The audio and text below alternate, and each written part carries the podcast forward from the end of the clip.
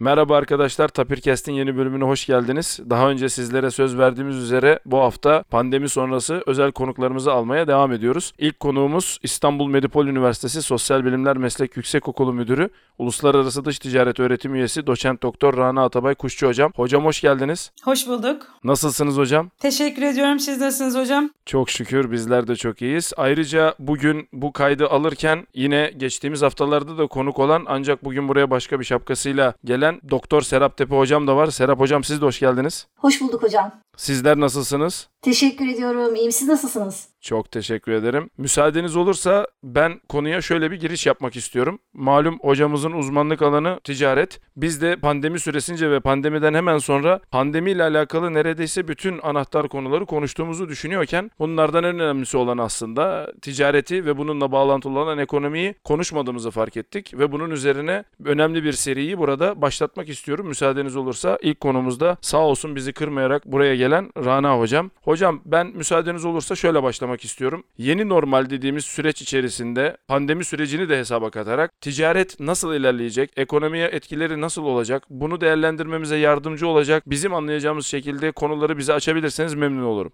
Tabii seve seve. Covid-19'la beraber aslında yeni bir dönemde başlamış oldu uluslararası ticarette. Öyle adlandırmak lazım belki. Çünkü bu zamana kadar yani aslında e, uluslararası ticarette bir düşüş eğilimi zaten vardı. Fakat Covid-19 süreci bu süreci daha da hızlandırdı. Tahminleri, uluslararası kuruluşların tahminlerini daha da aşağı çekti rakamları. Biraz rakamlardan bahsedeceğim sizlerle. Hem Dünya Ticaret Örgütü'nün hem e, IMF'in açıkladığı rakamlar var dünya ticaretine dair ve tabii ki ticareti ve büyümeyi beraber düşünmek lazım bu anlamda.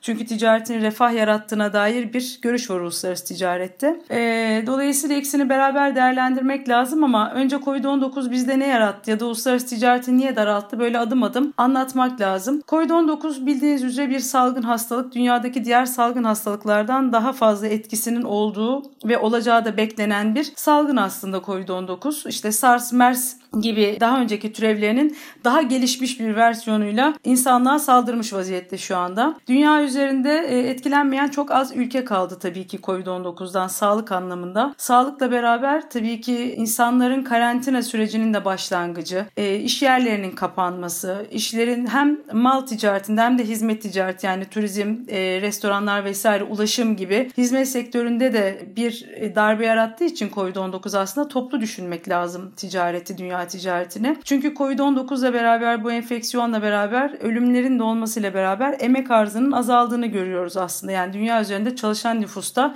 bir azalma olduğunu görüyoruz. Hem karantinaların hem bölgesel karantinaların yani koskoca bir şehrin karantina altına alındığını biliyoruz İtalya'da. Mahallelerin İtalya e, karantina altına alındığını biliyoruz. Sosyal mesafe diye bir yeni bir kavram çıktı hayatımıza. Artık annemize, babamıza, kardeşimize sarılmaktan korkar vaziyete geldik biliyorsunuz. E, tabii ki seyahat, turizm, eğlence gibi hizmet sektörlerini de etkiledi. Dolayısıyla bütün bu sektörlerle beraber emek arzında ciddi bir daralma yaşandı. E tabi bu sektörlerde iş yeri kapanışları da gerçekleşmeye başladı. İş yeri kapanışlarıyla beraber tedarik zincirlerinde bozulmalar yaşandı. Bunlar yine üretimdeki verimliliği de azalttı aslında. E iş yeri kapanışı yani bunların hepsi aslında böyle silsile halinde, böyle bir zincirin halkaları halinde birbirini takip eden olaylar. Şimdi emek arzı azaldı, iş yeri kapandı. İş yeri kapanışı demek aslında bir yandan işten çıkarmaların e, meydana gelmesi demek. E, işten çıkarma olduğu zaman insanlar gelir elde edemez oldular. Dolayısıyla gelir gelirlerde düşüşler e, yaşandı. E, gelir düşüşleriyle beraber insanların satın alma gücü de tabii ki daralmaya başladı. Bütün bunlar sağlık harcamalarını arttırdı ekonomilerdeki. Dolayısıyla bu zincir dediğim gibi hepsi bunların hepsi birbirine etkili etkiliye ve aslında bu zincir e, spiral halinde döne döne devam ediyor. Büyüyerek devam ediyor aslında. Bu belirsizlikler ve bulaşma korkusu oldukça dünya üzerinde. E, bütün bu belirsizlikler insanların daha az harcama yapmasına neden oldu. E, harcama olmayınca üretim olmuyor. Üretim olmayınca tüketim olmuyor. Dediğim gibi bunların hepsi hem ticareti ama ticaretten önce aslında ekonomilerin ülkelerin büyüklüklerini de sarsan olaylar olarak karşımıza çıktı. Bütün bu aksaklıkları ticarete bağladığımız zaman ne geliyor karşımıza? Bütün bu e, aksaklıklar hem ticaret hem de küresel bağlantılar yoluyla gerçekleşiyor. E, ticaret ortaklarımıza da yayılıyor tabii ki. Sadece biz ticaret dediğimiz zaman kendi kendimize yapmıyoruz ticareti. İthalat veya ihracat dediğimiz şey dış alım ve dış satım. Dolayısıyla demek ki bizim aslında dünya üzerinde başka ortaklarımız var ticaret yaparken. E bu ticaret yaparken ortaklarımızdaki herhangi bir şekilde ortaya çıkan sıkıntı bu bir kriz olabilir. Bir finansal kriz olabilir veya şu anda yaşadığımız gibi Covid-19 gibi bir sağlık krizi olabilir. Her ne kriz olursa olsun ticaret ortaklarımızda ortaya çıkan sıkıntılar ister istemez bizi de etkiliyor. E Covid-19 krizi dünya üzerindeki ticaret ortaklarına yayıldığı zaman bütün bu genel makroekonomik duruma da ister istemez aslında e, kötü anlamda katkıda bulunmuş oluyor. Şimdi böyle olduğu zaman tabii mal fiyatlarında da düşüşler yaşanıyor. Bu hem gıda fiyatları olabilir hem de aslında ekonominin en temel girdisi olan petrol ve petrol ürünlerinde de fiyatlarında da düşüşler gerçekleşiyor. E, Ocak-Mart 2020 arasında hem baz metal fiyatlarında hem doğal gaz fiyatlarında %38'lik bir düşüş var. Metal fiyatlarında %15'lik, petrol, ham petrolde %65'lik bir düşüş var. Şimdi petrol dediğimiz zaman aslında e, dediğim gibi sanayinin ana girdisi. Dolayısıyla üretim maliyetlerinde bu anlamda bir düşüş oluyor mu? Oluyor ama üretim yapamadığınız zaman bu düşüşün de bir anlamı kalmıyor aslında. Mesela Türkiye açısından da bakarsak ki buna daha sonra belki yine girebiliriz.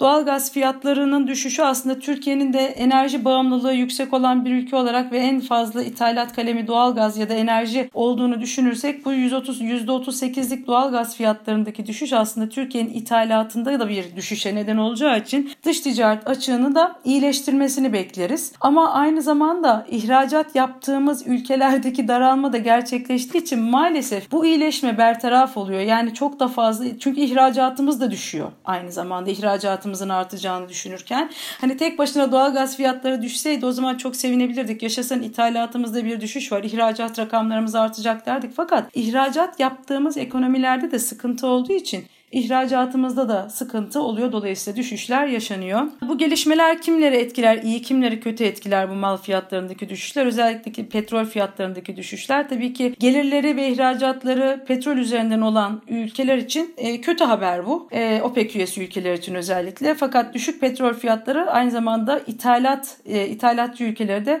fayda sağlayacaktır tabii bu anlamda. Sağlık harcamalarının artacağından bahsettik. Ekonomiler tabii ki ister istemez sağlık sistemindeki kaynak kaynakları hastaların tedavisinde kullanmak istiyorlar. Bunun için de kamu harcamalarını artırmaları gerekiyor. Ne gibi? Mesela yeni testler e, alınabil, alınması gibi. Yeniden işe alımların, emekli medikal uzmanların Amerika'da olduğu gibi tekrar işe alımlarını sağlanması gibi. Kişisel koruma ekipmanları, ventilatörler gibi sağlık ekipmanlarının e, satın alınması veya da hastane, yeni hastanelerin yapılması, hastanedeki izolasyon koşullarının, koğuşlarının veya yoğun bakım ünitelerinin artırılması bunların hepsi kamu harcamalarının artırılmasını gerektiriyor. E bunların hepsi de ekonominin üzerine e, yük olarak aslında biniyor. Her ulusal ekonomi için bahsediyorum. Sadece Türkiye, Amerika genelinde değil her ulusal ekonomi için bahsediyoruz. Çünkü bu, e, Covid-19 salgınından ciddi anlamda etkilenen bir Avrupa Birliği var aslında. Yani İtalya'dan başlarsak belki İtalya, Fransa, İspanya, şimdi Brezilya'yı görüyoruz biliyorsunuz. E, Çin, Çin aslında üretimin kalbi zaten. Dolayısıyla oradan başlıyor olması bütün bu ticaretteki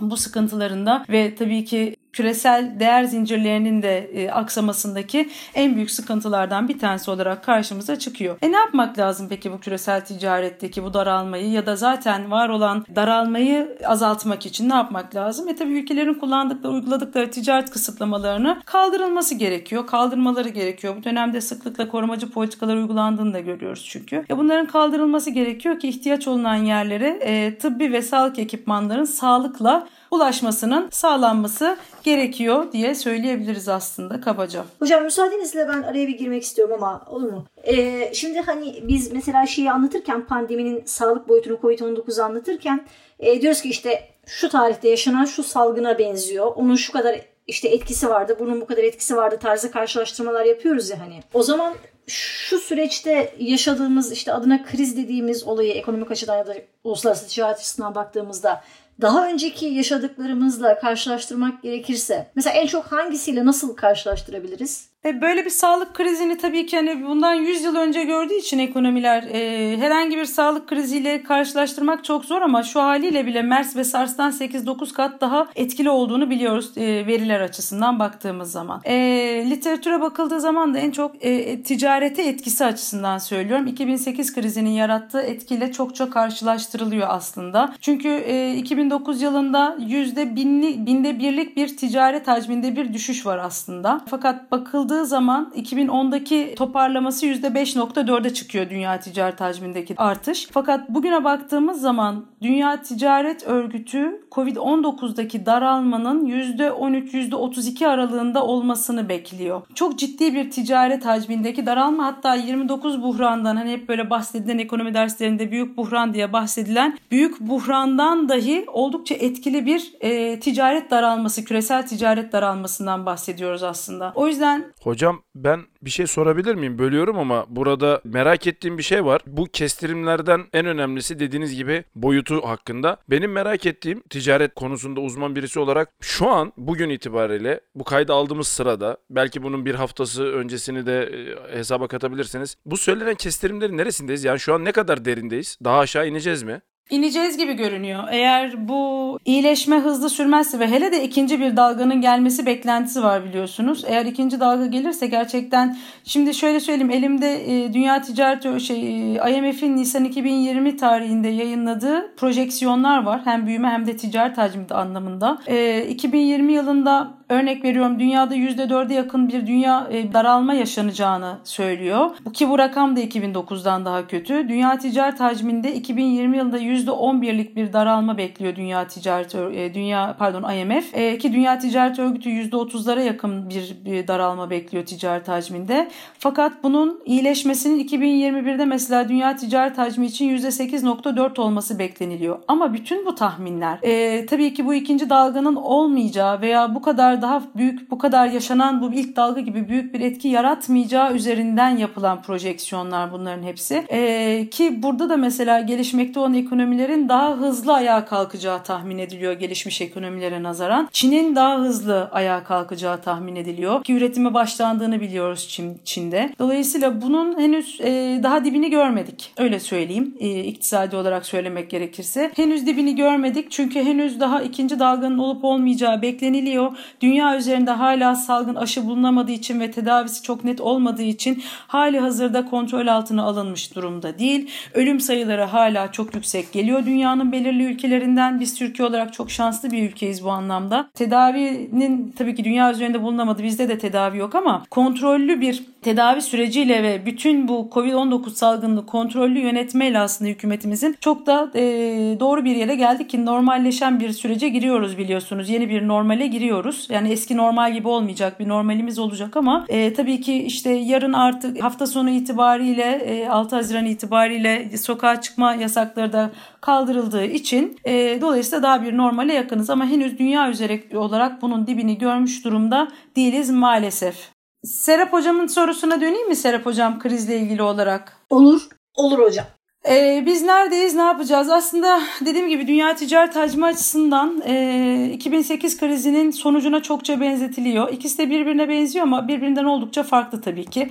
2008 küresel 2008 krizi bir finansal kriz, küresel bir finansal kriz. Amerika'da başlayıp Türkiye'de sirayet eden, 2009 sonunda bizim bunu büyüme rakamlarında gördüğümüz üretimde gördüğümüz, üretim rakamlarında gördüğümüz bir kriz. E, bu dönemde ekonomik daralmayı yavaşlatmak için para ve maliye politikaları kullanıldı. Fakat salgının yayılmasını yavaşlatmak için karantinalar, sosyal mesafeler kuruldu, e, kullanıldı ve finansal krizde etkilenmeyen bu sefer hani emek arzı, taşımacılık, seyahat gibi hizmet sektörü de bu sefer etkilendi. İşte dediğim gibi oteller, restoranlar vesaire bunların hepsi hepsi hepsi aslında kapandı.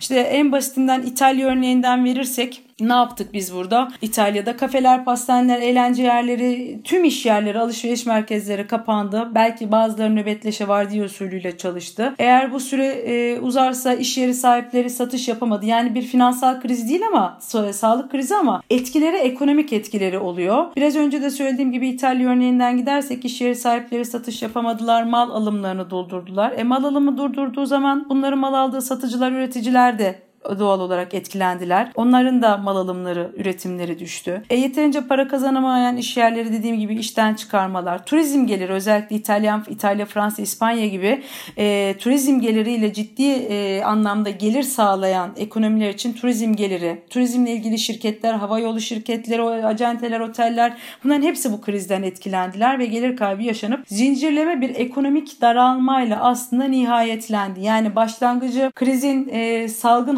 hastalık olarak başlıyor, bir sağlık krizi olarak başlıyor fakat nihayetinde geldiği yer yine aynen 2008 küresel finansal krizinde olduğu gibi ekonomik bir daralmayla nihayetleniyor. O yüzden bu krizler birbirlerine benzetiliyorlar zaten rakamsal olarak ve dolayısıyla bu durum sadece bir tane ülkede değil bütün dünyaya yayılıyor. E, önce ülke içindeki alıcılar satıcılar etkileniyorlar tabii ki lokal anlamda fakat daha sonra dünya üzerindeki diğer alıcılar satıcılar da çünkü konu ticaret olunca dediğim gibi mal ve hizmet alımlarını düşürdükleri için bu lokal durgunluk e, ülkenin kendi ulusal durgunluğu aslında ekonomik bir durgunluk olarak da karşımıza çıkıyor. E, tabii biz bunu şimdi ticarette bir endeksten bahsediliyor. Uluslararası ticaretin durmasıyla ilgili olarak e, bakıldığı zaman Baltık Kuru Yük Endeksi diye bir endeksten bahsediliyor. Bu endeksteki düşüş de dünya ticaretindeki daralmayı çok net gösteriyor. Tanımını da yapayım hani dinleyenlerimiz için ne olduğu da bilinsin. Baltık Kuru Yük Endeksi bütün dünyaya yapılan demir cevheri, kömür, tahıl gibi kuru yüklere ilişkin deniz taşımacılığında fiyat değişimlerini gösteren bir endeks aslında ve navlun fiyatları üzerinden belirleniyor bu endekste. Navlun fiyatlarındaki düşüş taşıma talebini artıracağı için dünya ticaretinde de artışı gösterecektir deniliyor. Veya tam tersi navlun fiyatları yani taşımacılık fiyatları düşerse taşıma talebi de düşeceği için dünya ticaretinde de bir daralmayla karşı karşıya kalırız diyor bu endeks. Dolayısıyla bu endekse de baktığımız zaman aslında dünya üzerinde bir daralma olduğunu çok net grafiklerde, rakamlarda bize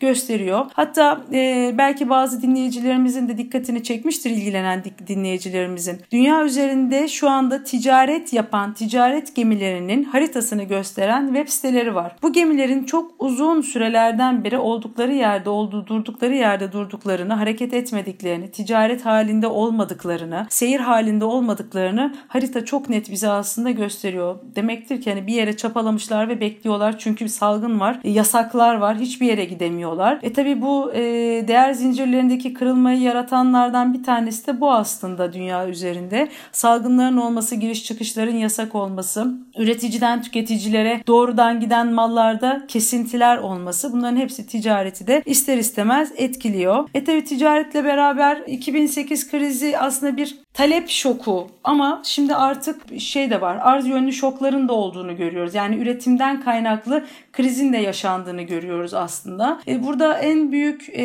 ekonomi 7 tane ekonomi var biliyorsunuz. Gelişmiş 7 ekonomi G7 e, ülkeleri diyoruz biz buna. İşte için, içinde neler var? Bunlar Amerika, Çin, Japonya, Almanya, İngiltere, Fransa ve İtalya'dan oluşan G7 ülkeleri. E, bunlar da e, bu saydığımız ülkeler de bu virüsle ciddi anlamda şu anda mücadele eden ekonomiler ve aslında bu ekonomiler dünya arz ve talebinin yani dünya gayri safi yurt içi hastasının %60'ını oluşturan ekonomiler. Dolayısıyla bu ekonomilerde meydana gelen herhangi bir krizin dünyanın üzerindeki başka ekonomileri yani bu ülkelerin ticaret ortaklarını etkilememe gibi bir durumu söz konusu değil aslında. Dünya üretiminin %65'ini dünya imalat ihracatının %41'ini oluşturuyorlar. Dolayısıyla talebin hem talebe yapıyorlar hem de arz yani hem üretiyorlar hem tüketiyorlar bu ekonomiler. Dolayısıyla üretilen mal ve hizmetlerin çoğu buraya ve buradan çıkıyor zaten. Onun için bu ekonomilerde yaşanan herhangi bir kriz, bu sağlık krizi olabilir, finansal krizi olabilir şu andaki krizimiz sağlık krizi Covid-19 ise bu ekonomilerde ortaya çıkan herhangi bir daralma ister istemez diğer ortaklarında etkiliyor ve tedarik zincirlerinde de yeni sıkıntılara yol açıyor ister istemez aslında. Hocam bu bağlamda bir şey daha geldi aklıma. Onu da soracağım müsaadeniz olursa. Tabii ki. Estağfurullah. O zaman hani ortada malum bir tablo var. Bundan etkilenen taraflar var, ülkeler var. Az ya da çok e, bu süreç hani bir şekilde bitecek ve biz yeni bir serüvene başlamış olacağız. O yeni şekillenmeler hakkında ne öngörüyorsunuz? Yani mesela şey olur ya bazen savaşlardan sonra ilk kendini toparlayan, işte krizlerden sonra ilk kendini toparlayan bayrağı ele alır ya baktığımız zaman tarih serüvenine. Bununla ilgili ne öngörüyorsunuz? Bununla ilgili hem iyimser hem kötümser senaryolar var zaten aslında uluslararası kuruluşlarında çizdikleri. Ee, iyimser senaryo diyor ki, diyor ki önce işte ticaret keskin bir düşüş yaşayacak. Ondan sonra 2020'nin ikinci yarısından başlayan göreceli iyimser bir senaryo veriyor bize. Ya da diyorlar ki daha keskin bir başlangıç düşüşü yani V düşüşü veya U şeklinde olacak aslında bu düşüşler. Onlardan bahsediyor. Ee, daha keskin bir başlangıç düşüşü ticarette fakat daha sonra daha uzun ve tamamlanamayan bir iyileşme ve kötümser. Yani 2020'nin ikinci yarısı da bizi toparlamayacak diyenler var. Dolayısıyla her iki senaryoda da aslında yani iyimser senaryoda diyorlar ki işte bu düşüşler bizim önceki 2011-2018'e yakın yani yükselme olan bir iyileşme bekleniliyor. Fakat kötümser senaryoda ise kısmi bir toparlanma öngörülüyor. Dolayısıyla fakat hani bu öngörü tabii ki bunların hepsi öngörü. Netice itibariyle bu pandemi dolayısıyla belirsizlik o kadar yüksek ki hem 2020 hem de 2021 için sonuçların bu öngörülerin üzerinde veya altında gerçekleşebilme ihtimali çok fazla. Ee, biliyorsunuz e, İngiltere bir rapor açıklamıştı. Pandeminin 2021 baharından önce önce sona ermeyeceğini söylemişti. E, buraya doğru giden de bir seyir var aslında dünya üzerinde. Yani bunu kabul eden bir seyir de var aslında dünya üzerinde. Ki 2021 bahar demek çok uzun bir zaman demek gerçekten. Koskoca bir yazı, koskoca bir kışı atlatacağız. Bir 6 ay daha demek en azından. 2020'nin ikinci yarısında iyileşme yok demek 2021'in baharı. Dolayısıyla bunun olmayacağını umut ediyorum. Yani çünkü dünya ekonomisi bu kadar çok şeyi, bu kadar yükü aynı anda kaldırabilir mi? Gerçekten emin değilim. Çünkü sadece ticaret değil gerçekten. Ondan sonra sonra insani başka sıkıntılar ortaya çıkacak. Yani ticaret daralır, ekonomi küçülür de bunun bir de insani tarafı var, tarafı var tabii ki. Yani o işsizlik dediğimiz şey 1929 buhranında yaşanan insanların kendi mallarını satarak yani e, o ilk baştaki Trump ekonomisi, değiş tokuş ekonomisiyle e, karşılığını bulan bir süreç vardı 29 krizinde. Oraya kadar gelinmemesini çok e, canı gönülden temenni ediyorum. Gerçekten diliyorum, istiyorum. Çünkü Dediğim gibi sağlık krizi hani ölümler tamam e, salgın vesaire ticaretteki daralma ekonomideki üretimdeki daralma ama bunun insani tarafı daha büyük sıkıntılı aslında. Evet doğru haklısınız. Peki hocam e, bir şey daha konuşmanızın ilk başında şeyden bahsettiniz korumacı politika kavramından. Bunu biraz açabilir misiniz bize? Hani neler yapmalıyız diye başlamıştınız. Ee, aslında şöyle söylemek lazım. Bütün bu kriz dönemlerinde ekonomiler hep kalkınmacı bir politika uyguluyorlar. Uluslararası ticaretteki rekabet giderek artıyor çünkü nihayetinde. Ee, ve gelişmiş ekonomiler mi, gelişmekte olan ekonomiler mi daha fazla korumacı politika uyguluyorlar? Aslında bu da tartışılır. Fakat hani görünen o ki hep gelişmekte olan ekonomilerin aslında gelişmiş ekonomilerden daha fazla korumacı politikalar maalesef uyguladıklarını görüyoruz. E, rekabet artıyor. Rekabetle beraber, beraber tabii ekonomiler rekabet etmek istiyorlar ve de edebilir olmak istiyorlar. Ülkeler kendi e, kalkınma politikaları ve sanayileşme stratejileriyle beraber e, yeni korumacılık veya korumacılık olarak nitelendirilen pazara giriş engelleri uygulamaya koyuluyor. İlk 1970'lere kadar dayanıyor bu yeni korumacılık dediğimiz yani tarife ve tarife dışı engellerin uygulanışı aslında ekonomilerde. Şimdi en çok kriz dönemlerinde 2008 krizinde de oldukça yoğunlukla uygulandığını görüyoruz, biliyoruz. E, ondan sonra e, döneme özgü olarak bu bugüne geldiğimiz zaman COVID-19 mallarında özellikle medikal ürünler üzerinde bu kısıtlamaların yaşandığını görüyoruz. E, şunu düşünmek lazım. Dünya üzerinde hiçbir ülke yoktur ki Covid-19'la mücadele etmek için gereken bütün ürünleri tek başına üretebilsin. Dolayısıyla yani bu Covid-19 da olabilir, başka herhangi bir şey de olabilir aslında. Yani ben aynı anda Türkiye olarak düşündüğünüz zaman aynı anda ben hem ventilatör üreteceğim, hem test üreteceğim, hem e, koruyucu, kişisel koruyucu ekipmanlar üreteceğim, maskeyi üreteceğim, el sabunu üreteceğim, e, dezenfektan üreteceğim. Bunların hepsini tek başına üretmek gibi üreten ve bunun bir sürü çeşitlisi var. Yani belki yüzden fazla ürün vardır sayacağımız medikal ekipman olarak sayabileceğimiz tanımlanan en azından burada bu başlık altında dünya üzerinde. E, hiçbir ülke yok ki tek başına bunların hepsini üretebilsin. Dolayısıyla bu yeni üretilen, yeni ihracatı, ithalatı yapılan ürünler değil zaten bu malların ihracatı ve ithalatı yapılıyordu ve bu mallar içinde ihracatı en çok veya ithalatı en çok yapan ülkelerde zaten mevcut mevcuttu. Amerika ve Almanya'nın özellikle tıbbi ekipman üretme konusunda uzmanlaşma eğiliminde olduğunu görüyoruz. Mesela Çin'in ve Malezya'nın da koruyucu kıyafet üretiminde uzmanlaşan ülke olduğunu görüyoruz. Dolayısıyla her ekonominin kendi uzmanlaştığı belirli mallar zaten var aslında tıbbi ekipmanlarda. Doğal olarak da bu Covid-19 mallarının ticaretinde ülkeler arasında güçlü bir bağımlılık var tabii ki. Yani ülkeler ihtiyaç duydukça Türkiye'nin de biliyorsunuz farklı ülkelere tıbbi ekipman gönderdiğini biliyoruz. Dolayısıyla e, ülkeler arasında farklı ciddi bir bağımlılık var bu anlamda. Herhangi bir ülke herhangi bir Covid-19 tıbbi ekipmanının ilk ihracatçısı olabilir. Başka malların ithalatçısı olabilir. Dolayısıyla Covid-19 e, ürünlerini tedarik etme eğilimi gösteren ülkelerin çoğu da bugüne kadar virüsün en kötü şekilde etkilediği ülkeler olarak ülkeler olarak aslında karşımıza çıkıyor. Benim derslerimde de öğrencilerime açıklıkla hani anlatmak için, daha net anlatmak için söylediğim bir cümle var aslında. Bir ülkenin ihracatı diğer ülkenin ithalatıdır. Koyduğunuz herhangi bir kısıtlama beraberinde misillemeyi de getirir aslında. O yüzden korumacı politikalar, tarifeler ve tarife dışı engeller tehlikelidir dünya ticareti üzerinde. Çünkü bir ülkenin başlattığı, bugün Amerika-Çin arasında olan e, ticaret savaşı gibi bir ülkenin başlattığı herhangi bir ticaret kısıtlaması diğer ülkenin de ona misillemede bulunmasına yol açar. Örnek veriyorum Türkiye Almanya arasında ticaret yapıyoruz. Ben Türkiye'den Almanya'dan e, e, ihracat yapıyorum. Almanya'da benden doğal olarak ithalat yapmış oluyor karşılıklı olarak. Ben Almanya'dan yaptığım ihracat üzerine herhangi bir kısıtlama koyduğum zaman e, Almanya'nın ithalatında daralmaya neden oluyorum. Dolayısıyla Almanya'da benden aldığım mal için aynı şekilde başka herhangi bir mal için buna benzer kısıtlamalar koyarak benim onda yarattığım sıkıntıyı çünkü o benden mal alamadığı zaman üretemiyorsa eğer kendi ülkesinde fiyat artışlarına yol açacaktır. Benim onda yarattığım sıkıntıyı o da bende yaratır aynı şekilde. Dolayısıyla bu misilleme ile beraber sadece Türkiye'nin veya sadece Almanya'nın ticaret hacmi değil e, dünya üzerinde dünyanın da dünya ticaret hacminde de daralmaya yol açmış olur. Günümüz itibariyle baktığımız zaman kaç tane ülke? 78 tane ülke veya birlik yani bunun içine Avrupa Birliği de dahil olmak üzere 29 Mayıs tarihi itibariyle Dünya Ticaret Örgütü rakamlarına göre 78 tane ülkenin mal ticaretinde 196 farklı koruyucu e, ticareti engelleyici e, önlem bildirdiğini görüyoruz. Bu ticaretin hizmet ticaretinde de yine aynı şekilde 3 Haziran itibariyle de 39 tane ülkenin 91 tane hizmet ticaretine engel koyduğunu, koruyucu, korumacı politika uyguladığını görüyoruz. Fakat çok şükür ki aslında bunların yavaş yavaş azalmaya başladığını da görüyoruz. Çünkü şimdi buradaki konu normal herhangi bir mal değil, sağlık ürünlerinden, tıbbi ekipmanlardan bahsediyoruz. E böyle olduğu zaman da sizin koyduğunuz herhangi bir engel aslında başka ülkenin tedavisini kısıtlamış oluyorsunuz. Fakat bir yandan da ülkeler genellikle bu sefer ithalat değil de ihracat kısıtlamaları koyduğunu görüyoruz. Yani dışa sattığı mallarda kısıtlamalar koyduğunu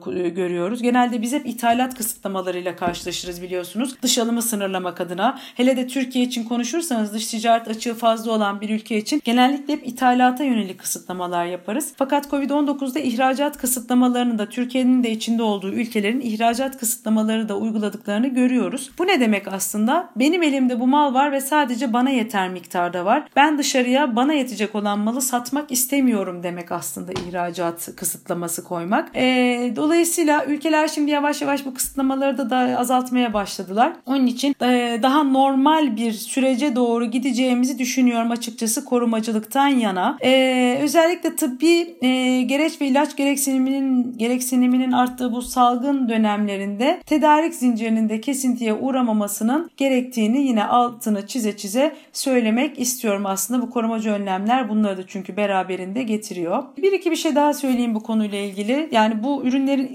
e, ticaretinin dünya üzerinde ne kadar büyük olduğunu görmek lazım. Dünya ticareti e, 19 trilyon tica, e, ithalat 19 trilyon da ihracat olarak aslında yaklaşık olarak gerçekleşiyor dünya üzerindeki ticaret, dünya ticaret hacmi. Tıbbi ürünlerin ithalatı ve ihracatı yaklaşık 2 trilyon dolar. Yani e, konuştuğumuz pazar çok da küçük bir pazar değil. Bunun yaklaşık bir trilyonu ithalat, bir trilyonu ihracat olarak karşımıza çıkıyor. Yani 19 trilyon dolarlık ihracatın dünya ticaretindeki 1 trilyonu tıbbi ürünlerden geliyor ve ihracatın birer trilyonu hep tıbbi ürünlerden geliyor. Çok ciddi bir pazardan bahsediyoruz. Çünkü burada e, özellikle Covid-19 özelinde konuşursak kritik ve kıt olan ürünler de var tabii ki burada ve bu ürünler üzerinde de tarifelerin oldukça yüksek olduğunu görüyoruz. Örneğin el sabunu için uygun uygulanan ortalama tarife hani biz Elsa bunu deyip geçiyoruz ama ortalama tarife %17. Hatta bazı Dünya Ticaret Örgütü üyesi ülkeler %65'e varan tarifeler uyguluyorlar ki bu çok ciddi bir tarife oranı. Çok ciddi bir rakam gerçekten. Koruyucu malzemelerde de yine %27'lere kadar çıkan tarife oranlarının olduğunu görüyoruz aslında. Ee, dolayısıyla dünya tıbbi ürün hem ihracata hem de ithalatı anlamında dünya ticaret hacminin ciddi bir kısmını karşıladığını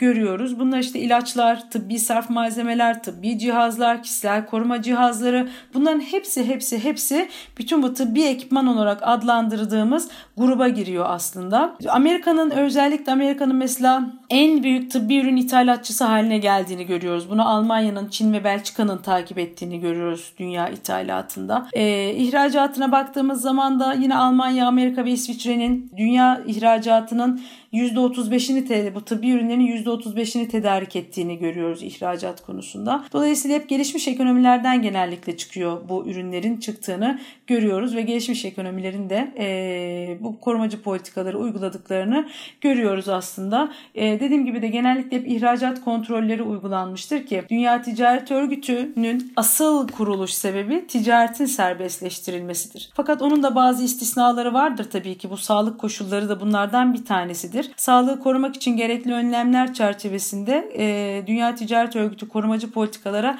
izin veriyor diyeyim. Tırnak içinde izin veriyor diyeyim. Çünkü istisna olarak adlandırılıyor bu. Dolayısıyla bu salgınla beraber dediğim gibi biraz önce 78 tane ülkenin mal ticaretinde farklı farklı korumacı önlemler e, uyguladığını, 39 ülkenin de hizmet ticaretinde farklı farklı korumacı politikalar uyguladığını maalesef görüyoruz aslında. Evet hocam. Peki e, bir şey daha sormak istiyorum müsaadenizle. Biz bu tablonun neresindeyiz ülke olarak baktığımızda, bize Türkiye'ye baktığımızda? Ee, ülke olarak baktığımız zaman dünya ticaret bizim de ihracatımızın ve ithalat ihracatımızın daraldığını görüyoruz aslında. Mart rakamları açıklandı. Ee, açıklandığı zaman yani Ocak Mart rakamlarında yani 3 aylık rakamlara baktığımız zaman ihracatımızın düştüğünü, ithalatımızın da arttığını, ihracatın %4 düştüğünü, e, 42 milyar dolar olduğunu, ithalatımızın da %10 artarak 55 milyar dolar olduğunu görüyoruz. Biraz önce söylediğim gibi bizim de bizim de ihracat e, kısıtlamalarımız var dünya üzerinde tıbbi ürünlere yönelik olarak uyguladığımız işte etil alkol e, ihracatına yönelik olarak mesela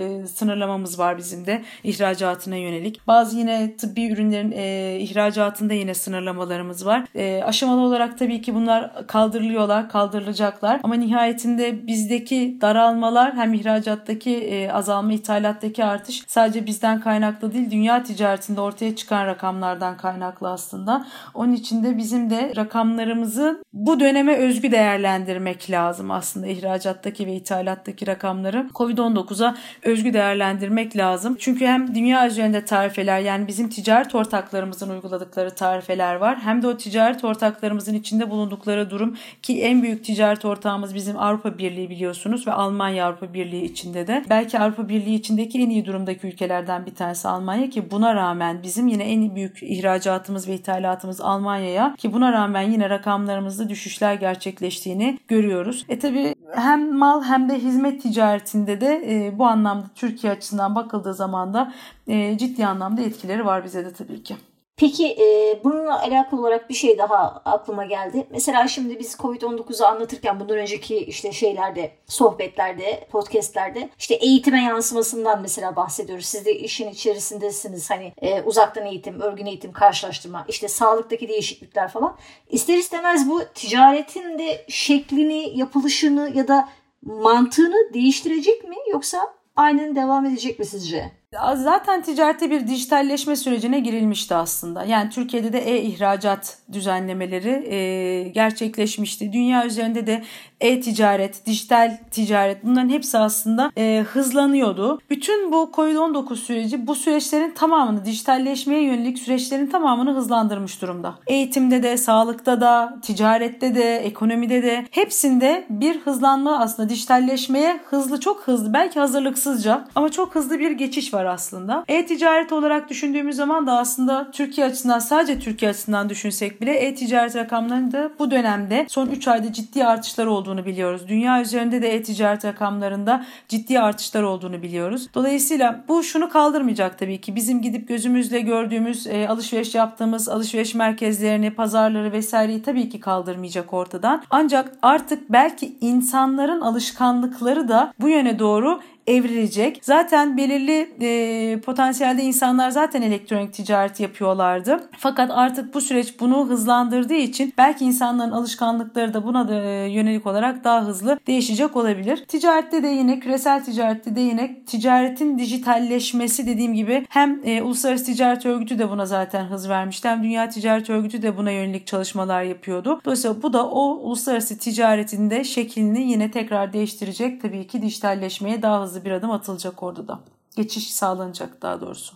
Hocam ağzınıza sağlık. Gerçekten çok ufuk açıcı bilgilerle soluksuz dinledim. Ee, umarım dinleyenlerimiz de aynı şeyi düşünüyordur. Müsaadeniz olursa toparlama yapıp son sözü size ve Serap Hocama verip kapanışı yapmak istiyorum. Bugün konuğumuz İstanbul Medipol Üniversitesi Sosyal Bilimler Meslek Yüksekokulu Müdürü, Uluslararası Dış Ticaret Öğretim Üyesi Doçent Doktor Rana Atabay Kuşçu Hocam'dı. Ee, aynı zamanda hocamla birlikte biraz da soruları daha yönlendirici şekilde ileten Serap Tepe Hocam, Doktor Serap Tepe Hocam birlikte ağırladık hocamızı. Genel temamız dış ticaretti, ticaretti, yeni normalden sonrası bunun 2020'nin ikinci yarısı şeklinde hocam kestirimlerin olduğunu ama kötü senaryolara da hazırlıklı olmamız gerektiğini söyledi. Ben müsaadeniz olursa son sözü hocama tekrar vermek istiyorum. Eklemek istedikleri, söylemek istedikleri fazladan şeyler varsa onları almak için. Sonra Serap hocama ekstradan sorusu var mı diye sorup müsaadenizle kapanışı yapmak istiyorum. Rana hocam eklemek istediğiniz Fazladan söylemek istediğiniz neler var? Varsa onları alabilir miyiz? Sadece bir toparlama yapayım ben de. Salgından kurtulmak için dünya ticaretinin ya da ticaret hacmindeki bu daralmayı kaldırmak için ne yapmak lazım? Tabii ki çok taraflı bir işbirliği gerekiyor aslında. Güçlü bir çok taraflı işbirliği gerekiyor ki dünya üzerinde salgınla mücadele eden ekonomilerinde hep bu yönde e, söyleşile, söylemlerinin olduğunu, söylevlerinin olduğunu görüyoruz aslında. Herkes bu yönde bir ifadede bulunuyor. Salgından kurtulmak için güçlü bir çok taraflı işbirliği yani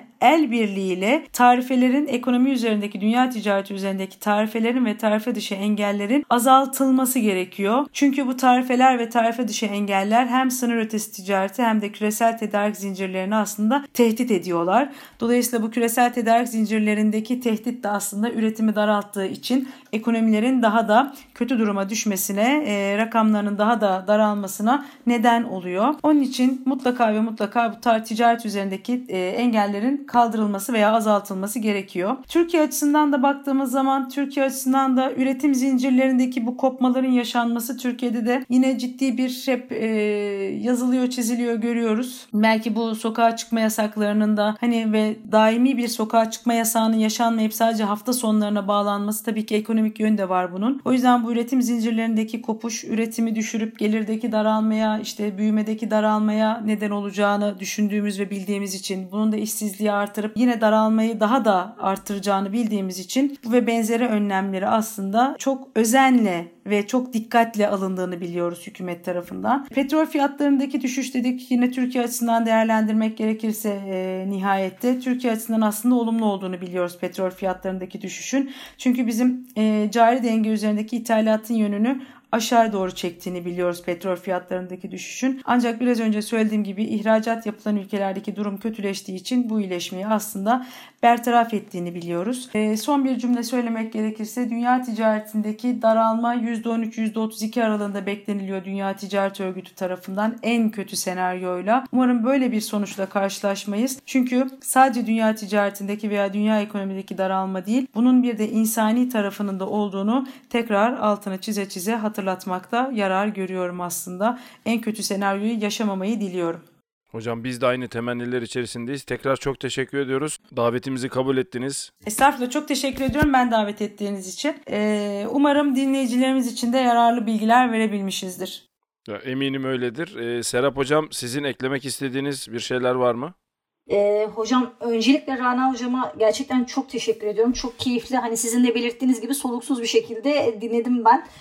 bu faydalı bilgilerden dolayı biz onur duyduk sizi ağırlamaktan hocam. Ee, her zaman da ağırlamak isteriz. Gerçekten çok keyifliydi. Çok sağ olun. Ee, ağzınıza, emeğinize sağlık. Teşekkür ediyorum hocam. Benim ekleyecek e, ya da soracak şu an için başka bir şeyim yok. Başka programlarda başka sorular soracağım Rana hocama inşallah.